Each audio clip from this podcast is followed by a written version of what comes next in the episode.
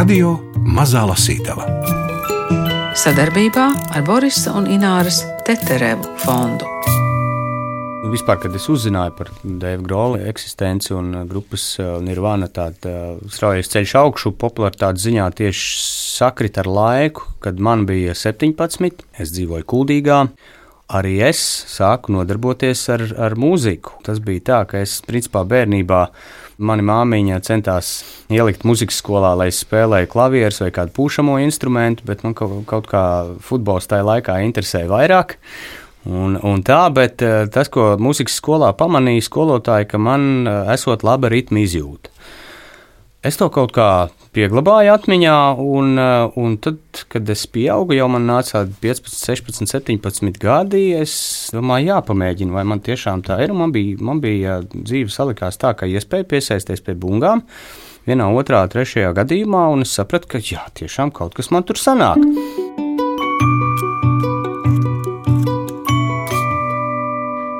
Grāmatas mēdz raisīt ļoti personiskus stāstus, kā šoreiz, piemēram, kad radio mazās lasītavas studijā tiekamies ar mūziķu un radio SVH ēteru personību Arti Dvarjonas, lai lasītu mūziķa, Nirvans Bundzinieka, vēlāk jau savas grupas līdera, dziesmu autora un brīnumaina stāstnieka Deiva Grola grāmatu Stāstnieks. Izrādās, viņš tieko dēvēts arī par jaukāko cilvēku roka mūzikā. Artis Dvarjonas turpina par Deivu Grolu, kura grāmatu viņš klausījies audio versijā, un to bija ierunājis pats autors. Un ļoti interesanti, pie kam viņš, viņš tiešām ir talantīgs arī stāstnieks, ne tikai nu, tā ziņā, grāmatas nosaukums ir stāstnieks. Bet, eh, bet viņš tiešām meistarīgi stāsta ar visām intonācijām, ar, ar visādiem piemēriem, ar ļoti, ļoti interesantu. Iesaku, ja kāds ir pamēģinājis. Varbūt drusku iepazīstiniet mūziķis Deivs Grols, varbūt kaut ko drusku sīkāk. Jā, kas mums par viņu jāzina, kas mūzikā tāda neiesvaidīta? Mūziķis Devs Grols ir ļoti, ļoti nozīmīga persona. Sāksim ar kaut vai ar to, ka viņš bija viens no grupas Nirvana trim dalībniekiem.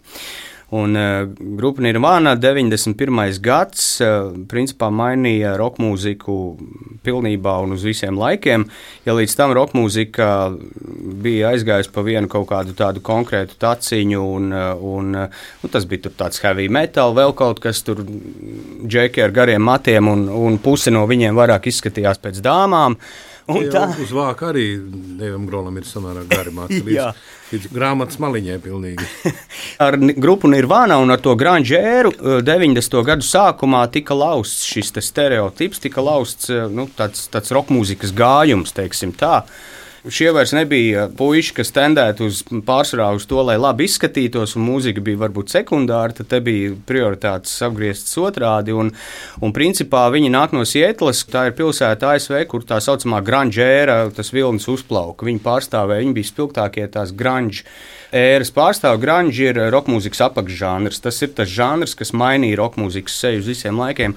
Un tur nāca pēc viņiem vēl vairākas, vairākas grupas tieši no šīs pilsētas. Lai arī Grols bija jauns pavisam pievienojoties grupai Nirvana, un, protams, ka viņš nebija galvenā persona, tur bija Kurts Kobeins, kas bija sēja grupas. Tomēr viņš bija viens no šiem trim teikt, jaunajiem karognesējiem, un tas ir droši vien tas pamats, kas par viņu būtu jāzina. Tas pats svarīgākais. Bunzinieks. Un, Bunzinieks, jā, protams. Kuram nav tik svarīgi, kā viņš izskatās, bet mūzika ir galvenā.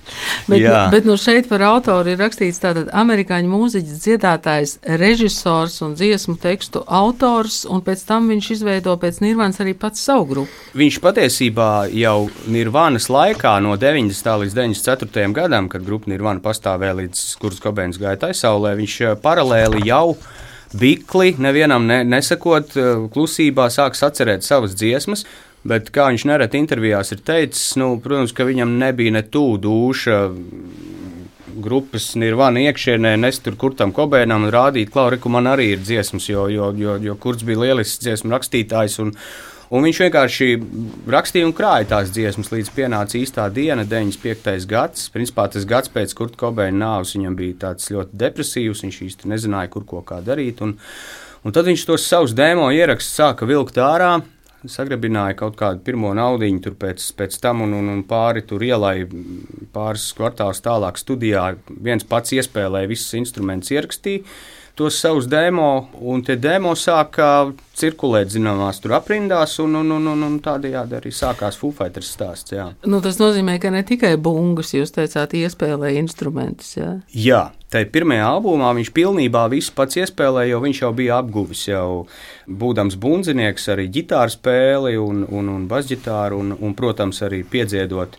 tā, tā saucamos backing vokāls vai nu, jā, piebalsis. Tā tad uh, viņš jau bija. Piebalsis arī labi skan. Jā, tas ir tāds labs latviskojums. Bet, uh, Gunter, tagad tev ir. Es domāju, ka man nav jāgas lasīt. Balsī, Nē, man nav jāgas lasīt vārdus tik spilgti un tik krāsaini un tik detalizēti stāst. Ja tu vēl iedomājies Dēva Graula balss, es nevaru iedomāties, bet to droši vien var paklausīties. Jāsameklē tā lietotne. Labi, ievads, pagrieziet skaļāk. Dažkārt piemirstu, ka esmu novecojis. Šķiet, ka prāts un sirds nežēlīgi āzē mani liekot noticēt maldinošai jauneklības ilūzijai, tāpēc, ka ik rītu sveicinu pasauli, lūkojoties uz to ar ideālistiskām un nerātnām dumpīga bērna acīm, kurš rod laimi vienkāršās un ikdienišķās lietās. Taču pietiek vien ātri uzmest skatienu spogulim, lai atcerētos, ka neesmu vairs tas mazais puika ar lēto ģitāru un ierakstu kaudzi, kurš mēdz viens pats stundām ilgi vingrināties ģitāru spēlē, cerībā kādu dienu izlausties no Virģīnijas štata nomalis novilktajām robežām, gaidām un sistēmas noteiktās dzīves. Nē. Tagad, paskatoties spogulī, pretī veras apbružāts smaids, ko rotā robaini gar mikrofoniem notrīti zobi, kurus gadiem ilgā bērze ir sadragājusi un noīsinājusi, atstājot bez smalkās emālijas. Man veras pretī noslīdējuši acu plakstiņi, kuri met ēnu uz pamatīgiem maisiem zem acīm, kas radušies gadu desmitiem, šķērsojot neskaitāmas laika joslas un upurējot miegu, lai tikai noķertu vēl kādu ļoti dārgo dzīves stundu. Redzu savu vārdu vietām sirmojam, un par to visu esmu pateicīgs. Pirms vairākiem gadiem mani lūdza uzstāties labdarības koncertā, kas veltīts viesuļvētrā Sendija cietušajiem. Koncerts bija plānots Ņujorkā 2012. gada 12. decembrī arēnā Madison Square Garden.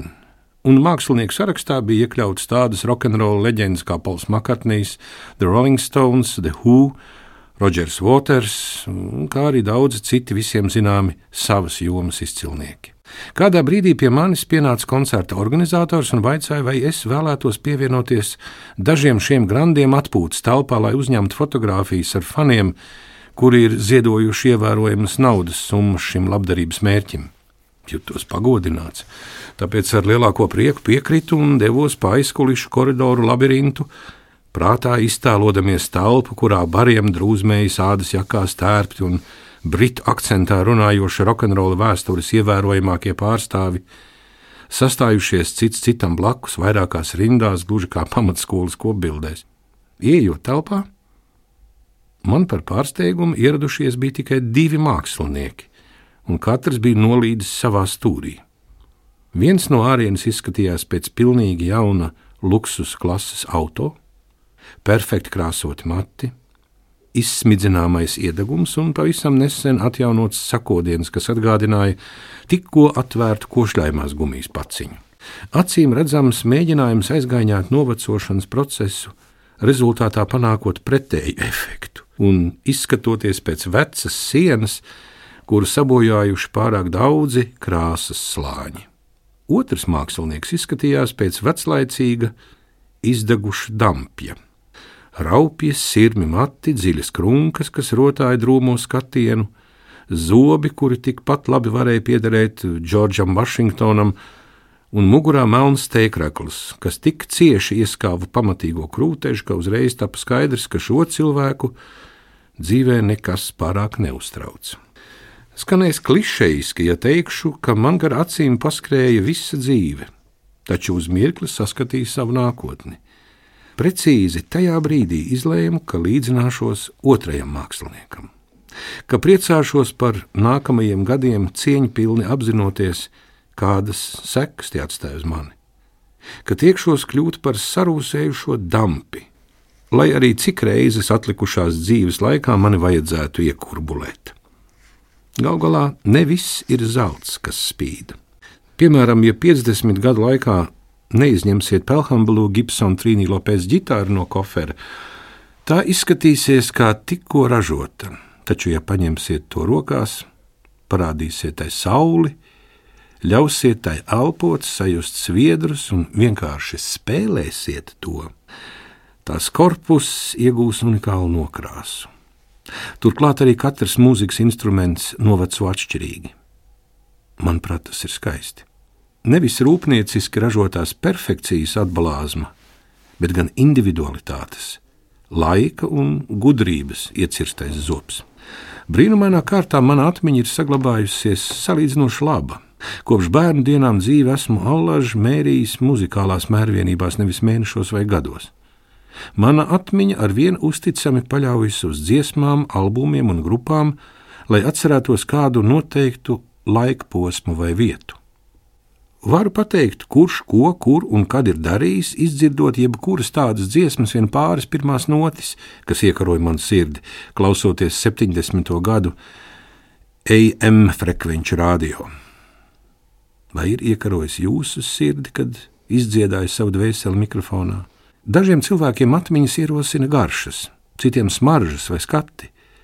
Manu atmiņu ierosina skaņa, kas gluži kā nepabeigta kasete neapklust un gaida, kad tiks nosūtīta ierakstu kompānijai.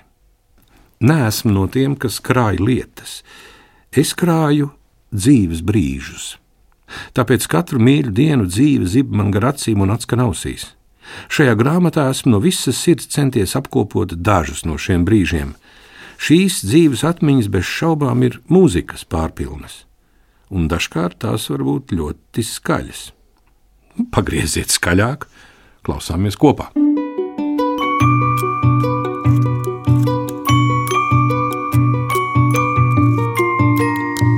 Radio Mazā Lasītava Fragments no Dēva Grola grāmatas stāstnieks lasa Gundars Āboliņš. Artis Dvarjonas stāsta par mūziķi, kuru ir arī intervējis. Viņam bija 17 gadi, kad viņš viņu uzrunāja grupas Scream, tāda, kas pankroka scēnā Amerikā bija gana pazīstama un gana liela jau, grupa ik pa laikam brauc stūrēs pa Ameriku, gan arī pa Eiropu jau tajā laikā, viņš bija liels fans šīs grupas, un, un tieši bundzinieks arī mainīja savu, teiksim, dzīves stilu, vairāk pievērsās ģimenei, un tā vieta palika kā vakanta, un viņš pieteicās, izturēja konkursu, un 17 gados tika paņemts grupā. Viņš gan stāsta, ka viņš sākotnēji meloja tiem grupas dalībniekiem, kas bija 10 un vairāk gadus vecāki. Viņš meloja, ka viņam ir 21. Zinot, ka nu, 17 gados diez vai viņu ņems, bet tad, kad jau viņi bija labi iespēlējušies un brauc pirmajā tūrē, tad, tad viņš atzinās, ka viss ir, viss ir forši, bet man ir tikai 17 gadu un tā, bet nu, tad jau bija par vēlu, kā saka, viņš bija grupā un, un vispārējie pieņēma. Bet lūk, viņš tajā brīdī, tad, kad pieņēma šo lēmumu, mm, pie kam viņš pirmajā brīdī, kad viņa aicināja, atteica grupai. Viņš nobijās tieši no pārmaiņām. Viņam 17 gadu, viņš jau mācās skolā, viņam māte skolotāja, protams, gaida pilnīgi citu kaut ko no viņa dzīvēm bet viņš ļoti spēcīgi jūta tos, to aicinājumu, ka mūzika ir viņa lieta un tieši tā, tā pankroka scēna, tieši tur, tur, kur ir tā brīvība, tā nepieradinātība, tas viss viņu ļoti aizrāva, interesēja. Un otrajā piegājienā, kad viņš to grupu redzēja dzīvē, viņš saprata, nē, es pieļauju kļūdu, tomēr es vēlos būt šīs grupas bundzinieks. Un tad sākās grūtākais, kā viņš tur grāmatā arī stāsta. Viens ir pieņemt lēmumu, ka es būšu šīs grupas bundzinieks, otrs tagad ir uh, mātei to pateikt. Tev ir jāiet prom no skolas, jo tev būs jābrauc koncertūrēs. Pie kam viņam ar tēvu, māte ar tēvu šķīrušies tajā brīdī bija, un ar tēvu ļoti ne tās labākās attiecības bija. Tēvs bija ļoti stingrs un, un arī tāds, nu, pareizā dzīves stila piekritējis pēdiņās, varbūt šo vārdu pareizā liekot, bet uh, Viņam bija visiem šiem cilvēkiem jāpasaka, Klaus, tagad tieši šo ceļu, pie kam atcerēsimies, ka tas, tā ir, tā ir roka mūzika, tā ir pankroka scēna, tur ir pilns ar uh, kārdinājumiem. jā, nosauksim to tā. A, viņam ir 17 vai ne? Un, bet droši vien, ka viņam palīdzēja tikt visam tam cauri uh, un nenoslīgt tur tajā neprātā mm, lielā mācība mīlestība, ar ko viņš visu dzīvi teiksim, ir, ir saskāries, vienmēr uz, uz ko viņš atsaucas nemitīgi arī intervijās un grāmatā. Un māte viņam divainā kārtā deva svētību. Vēlāk viņš saka, māte teica, angliski, better be good. Nu, ok, ej šo ceļu, bet nepievil mani, jā, apmēram tā. Un, Tādā veidā viņš jau 17, 18 gados, kur viņš pēcāk arī stāsta, ka viņš ieguva nenovērtējumu pieredzi, to, ko nekad tu skolas solā nedabūtu, vai, kā viņš saka, tur algebras vai bioloģijas tests pildot, eh, pirmajā tūrē dodoties apbraukājot Ameriku krustu šķērsu Viņš nu, no austrumu krasta, un tad viņš pirmoreiz redz to rietumu krastu, tur viss, tur Kalifornija, viss tas, ka pilnīgi cita pasaule un, un, un to brīvības sajūtu, ko viņš pirmo reizi uh, izjūt un saņem, un viss tas kopā jau pirmajā turnīrā viņš, viņš tādu nenovērtējumu dzīves pieredzi gūst, pie kam arī tā ir izdzīvošana. Tas nav tā, kā izklausās grupa dodas turnīrā, un varbūt daudziem liekas, ah, nu tad jau tur garantēti viesnīcas un glamūrs un tā. Tā ir pankroka grupa, pankroka scēna, kas ir tāda sava komūna principā. Un, eh, protams, ka viņi brauc mini-busiņā, mini-busiņā, kur kā sprots buļģā, ja, un viņiem bieži vien nav ko ēst, nav kur īsti gulēt, ja, un tas un šis un tādas problēmas. Un tas viss eh, viņu norūda jau agrā vecumā, un viņš, viņš saka, ka joprojām līdz šai dienai, kad viņam ir pāri 50, viņš paļaujas uz, uz tām pieredzēm, un tās viņam palīdz iet cauri dzīves līkločiem. Ko tā. viņš tagad dara? Tagad ir tā, ka bija joprojām ir pat gadu ilgs jau tāds sēru periods pēc grupas bundzinieka Taylora Hawkins nāves. Grupas bundzinieks pagājušā gada martā. 25. martā viņi atradās koncertu tūrē Dienvidamerikā un Kolumbijas galvaspilsētā Bogotā atrasts miris tika grupas bundzinieks viesnīcā. Tur pēc visa spriežot, bija visādi medikamenti, un kas viņš tur viņam bija depresijas kaut kāds periods laikam, un ko, un tad tur bija par daudz visādi medikamentu. Un, šķiet, alkohols un vēl viss kaut kas. Un Tēlors Hawkins devās taisaulē, un, protams, kopš tā laika, kopš pagājušā marta beigām, grupā ne tikai nav uzstājusies, bet principā arī tā publiski nav rādījusies. Tagad tieši burtiski pirms kādas nedēļas tika izziņota pirmā pēc bundzinieka pēcnāvus uzstāšanās, kas būs maijā. Bostonā un būs jau pagājis vairāk nekā gads. Viņš šobrīd, pats pie bungām sēdīsies. Vai? Šobrīd tas ir lielais noslēpums. Šobrīd uh, es domāju, ka kādām no dziesmām droši vien, bet, uh, bet tomēr droši vien būs kāds cits pie bungām, jo viņam tomēr tās līderu līder loma jāpild jā, ar ģitāru un, un, un, un, un pie mikrofona jābūt. Tā kā tāds ir stāsts, uh, un daudz ar nepacietību gaidīja, kādi būs tagad Foo Fighters. Viņš jau pats ir solījis, ka grupa pavisam noteikti būs citādāka. Bet, uh, Ne tikai tādēļ, ka sastāvs būs pamainījies, bet tā saprotu, tas kurs vispārējais tāds grupas uh, domāšanas un iespējams arī muzikālais kaut kādā veidā tiks mainīts. Tas ir tāds liels noslēpums. Mēs tā lēkājam no laika uz šo no šodienas bet pagātnē. Bet atpakaļ. viņš tajā grāmatā tā lēkā arī. Arī lēkā. Jā, jā, jā. Tad jau kaut kā sakritīs. Mēs bijām ielēgti un atkāpšanās ceļa nebija. Mūsu koncertūras menedžeris un vienlaikus arī skaņu inženieris Montijs Līs Vilks ar bailpilnām acīm un panikas pārņemts pabāza savu sasvīdušo galvu ģērbtuvē un nervozi iesaucās: Ārā stāv bariņš čaļu, kuri grib jūs novākt. Labāk aizslēdziet durvis un palieciet šeit, līdz es atgriežos sarunāts. Kad dzirdēsiet mani klauvējam, atveriet durvis, un es jums palīdzēšu ātri nokļūt uz taksi šķērsielā. Laipni lūgti 1991. gada rudenī. Nakts klubs 3 Dīpulums rajonā Dallas centrā, Teksasā, bija tikai viena no albuma Nevermind Ziemeļamerikas tūras pieturvietām. Tas bija gludi izstrādāts 30 nogurdinošu koncertu maršruts īsā 40 dienu periodā. Šajā salīdzinoši jaunajā klubā varēja ietilpt aptuveni 600 cilvēku, un tas bija līdzīgs lielākajai daļai citu šajā tūrē rezervēto koncertu zāļu. Saspiestība zem skatuve, ierobežots daudzums skandu, vājš apgaismojums un maz ģērbtuve, kurā sagatavoties kārtējai dvēseli plosošajai performancei, un pēc tam atgūties no tās. Ja atskatos, klubā trīs patiesībā bija viena no intīmākajām gaisotnēm. lai gan tā bija viena no lielākajām zālēm, kurā šajā tūrē bijām uzstājušies, jo bijām raduši spēlēt daudz mazākās vietās, piemēram, klubā The Moon, Ņūhevenā, Konektikutā, kur sīciņajā zālē ar zemajiem griestiem tikai pirms pāris nedēļām bija iespiedušies simt cilvēki. Vai klubā GC Dobbs, Filadelfijā, kurā dažas dienas pēc tam bija izpārdotas visas 125 biļetes maksāt spējīgiem apmeklētājiem, vai pat 9.30 klubu Vašingtonā, kurā vēl pēc dažām dienām nešaubīgi pārsniedzām oficiālo 199 cilvēku ietilpību. Tā kā sviedrēšanās šādās telpās sestdienas vakaros mums nebija sveša, šie miniatūrie klubi bija ierasta vieta Nirvānas koncertiem. Tāpēc pēkšņā pārēja uz daudz lielākām koncertu zālēm, kurās varēja ietilpt līdz tūkstoši cilvēku, piemēram, Maskarāda Atlantā, St. Andrews Hall Detroitā un tad klubs 3 Dallasā. Šķita kā apakšbikses, kas divus izmērs par lielu, mazliet par vaļīgu, intīmai gaisotnei. Pārvietojoties nesen iznomātajā pasažieru busiņā ar aizmugurē piekabinātu traileru, kas piebāzts ar instrumentiem un aprīkojumu, Mēs ar vēl trim tehniskajiem darbiniekiem lielāko daļu laika pavadījām braucot, lasot, klausoties mūziku un cenšoties laiku pa laikam mazliet nosnausties uz jau tā pieblīvētajiem beņķiem, neglābjami pārguruši no iepriekšējās nakts koncerta.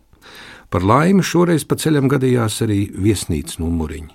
Paldies Dievam par to!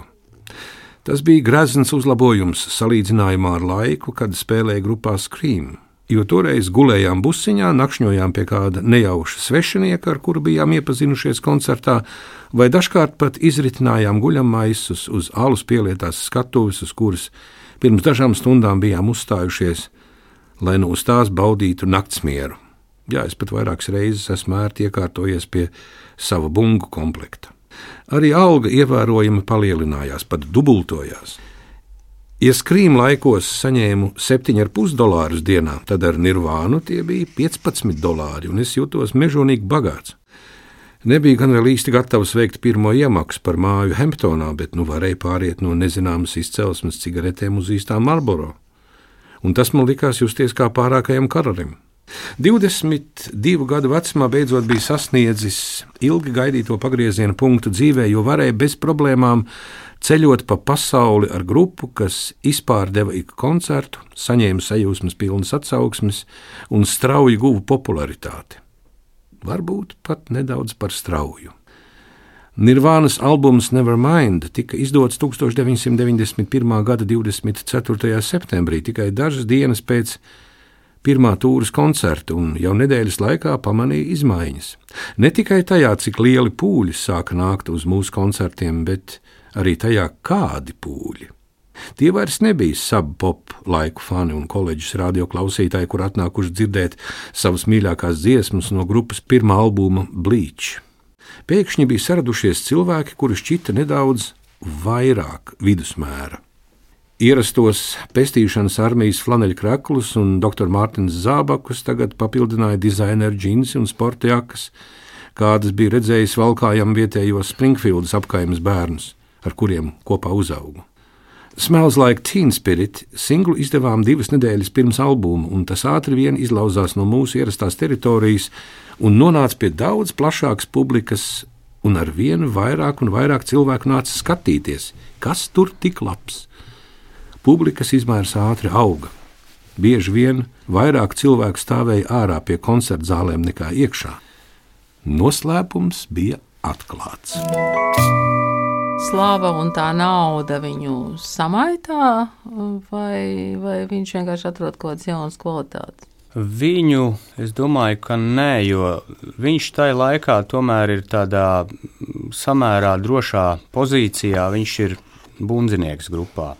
Bundziniekam parasti gan tīri fiziski viņš ir aiz visiem pārējiem, vēl aiz bungām. Līdz ar to arī psiholoģiski bundziniekam ir, ir vienkāršāk. Es pats to zinu, jo uh, kur varbūt vēlāk var tādu mazu atkāpīt par maniem kuldīgas laikiem, kas tieši sakrit arī, kad es sāku nodarboties ar mūziku. Arī pankroka scēnā, sēžot pie bungām, tas sakrita tieši ar laiku, kad parādījās Nirvana un kļūst slavena. Tā kā es zinu to, to lomu, kā tas ir, un tu kā bundzinieks, tu, ja tu neesi īsti vēl pārliecināts, nedrošs vai kā, un pie kam tāds milzīgs slavas vilnis, es domāju, tas viņam palīdzēja. Kam nepalīdzēja, noteikti tas ir Kurts Kobeins, kā pats Devs Gross arī intervijās ir teicis, droši vien, ka nu, ļoti straujā slava, pārāk straujā droši vien arī eh, Kurts Kobeins noveda pie tā lēmuma, ko viņš pieņēma 94. gada aprīlī, jo Kurts Kobeins jau faktiski bija nu, tāda vienīgā lielā šīs grupas izkārtne, galvenais dziesmu rakstītājs un daudzu acīs jau tajā laikā roka dievs, un, eh, bet eh, viņš ļoti daudz uh, mācījās no tā laika, un ko viņš pēcāk lika lietā, ko un kā darīt, un ko un kā nedarīt. Uh, Foo Fighters laikos jau tieši skatoties, kā kurš Kobēns tika vai netika galā ar kaut kādām lietām, kā tas ir būt, kā saka, frontmenim vai, vai, vai grupas līderim. Uh, Nē, es domāju, viņu noteikti nav. Viņš ir tik gaišs, silts, pozitīvs uh, cilvēks joprojām. Nepavelti viņam ir viņu dēvē par uh, jaukāko cilvēku roka mūzikā, vai jā, nice, nicest person. Industrija, roka mūziķa. Tas nemaz nav tik, uh, tik tāds biežs salikums, vai ne? Galīgi nē, tur jau tā lieta, un tāpēc vairāk roka mūzikā, roka mūzika tomēr ir tāds protesta žanrs, un tur pārsvarā tomēr cilvēki ir, nu, tā kā dusmīgi noskaņoti par kaut ko tur runāt vai tā. Un viņš ir tiešām tāds silts, jauks, atvērts cilvēks, un to starp citu viņa personībā jau var just tajos agrīnajos gados, patsmitnieku un jauniešu vecumā, kur viņš stāsta. Tā atvērtība, tas, ka viņš jau diezgan ātri saprot, ka kāds to sauc par dievu, kāds to sauc par visumu, ka tas ir tas, kas regulē mūsu dzīves, ka tev jābūt, tev jābūt atvērtam galvenais un mērķiecīgam jāiet uz to savu sapni. Un viņš kaut kā vienmēr jau no bērna kājas ir paļāvies uz uh, visumu spēku, un uh, tas viņu ir vadījis cauri dzīves likločiem, un tāpēc es domāju, viņš arī ir saglabājis tādu ļoti gaišu skatu uz dzīvi un pozitīvismu joprojām.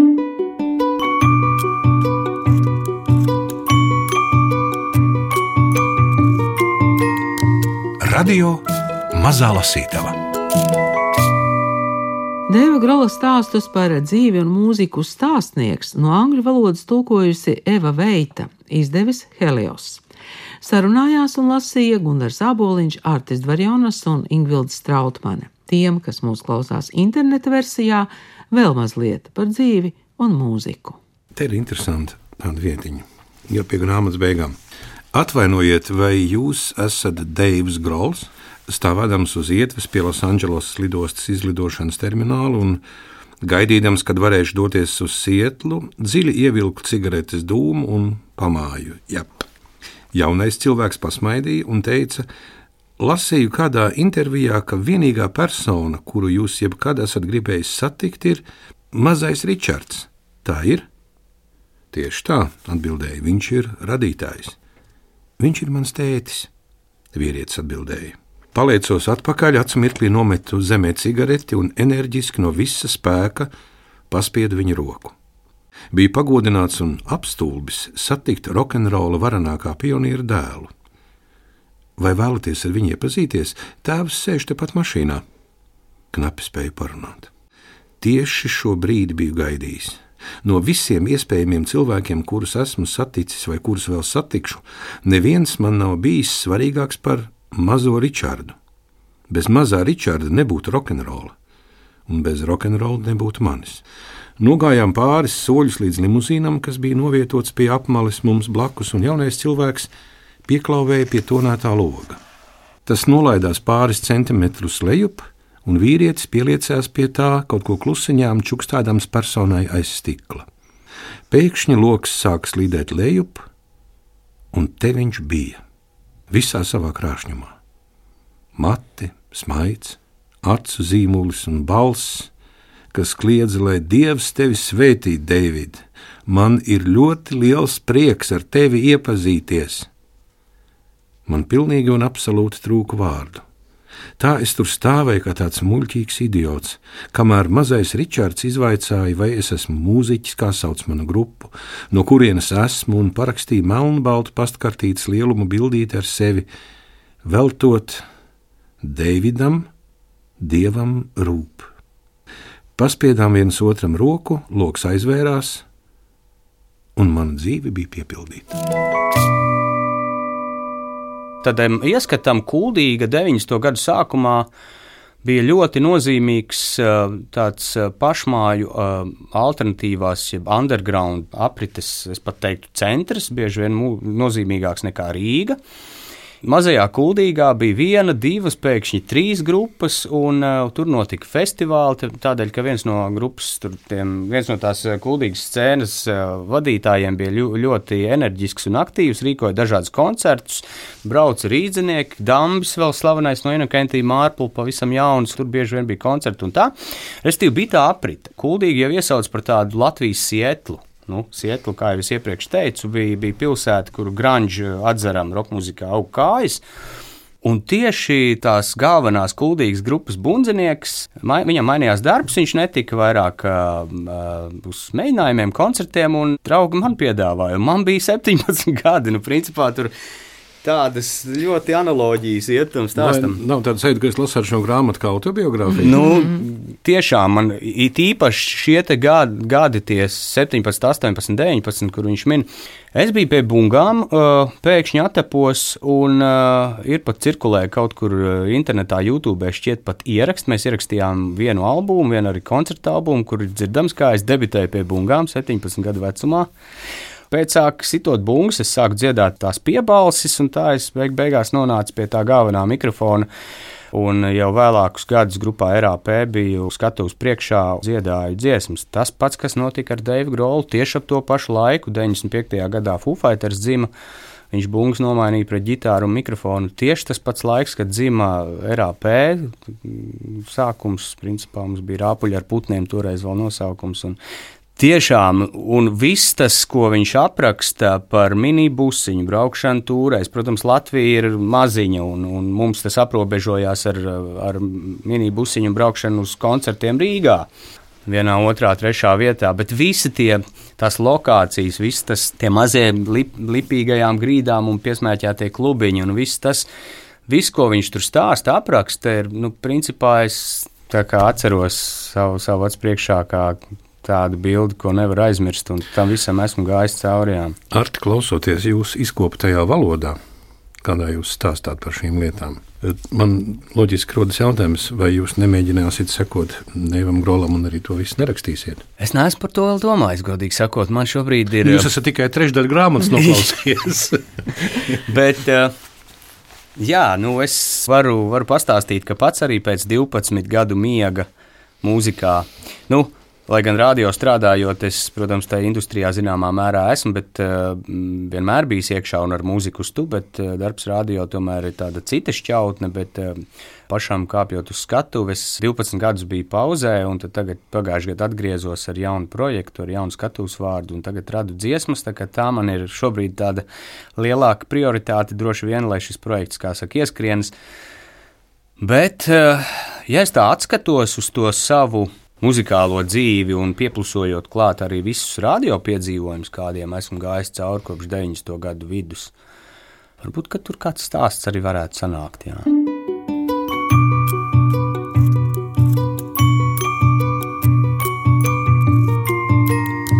Radio Mazā Lasītava sadarbībā ar Borisa un Ināras Teterevu fondu.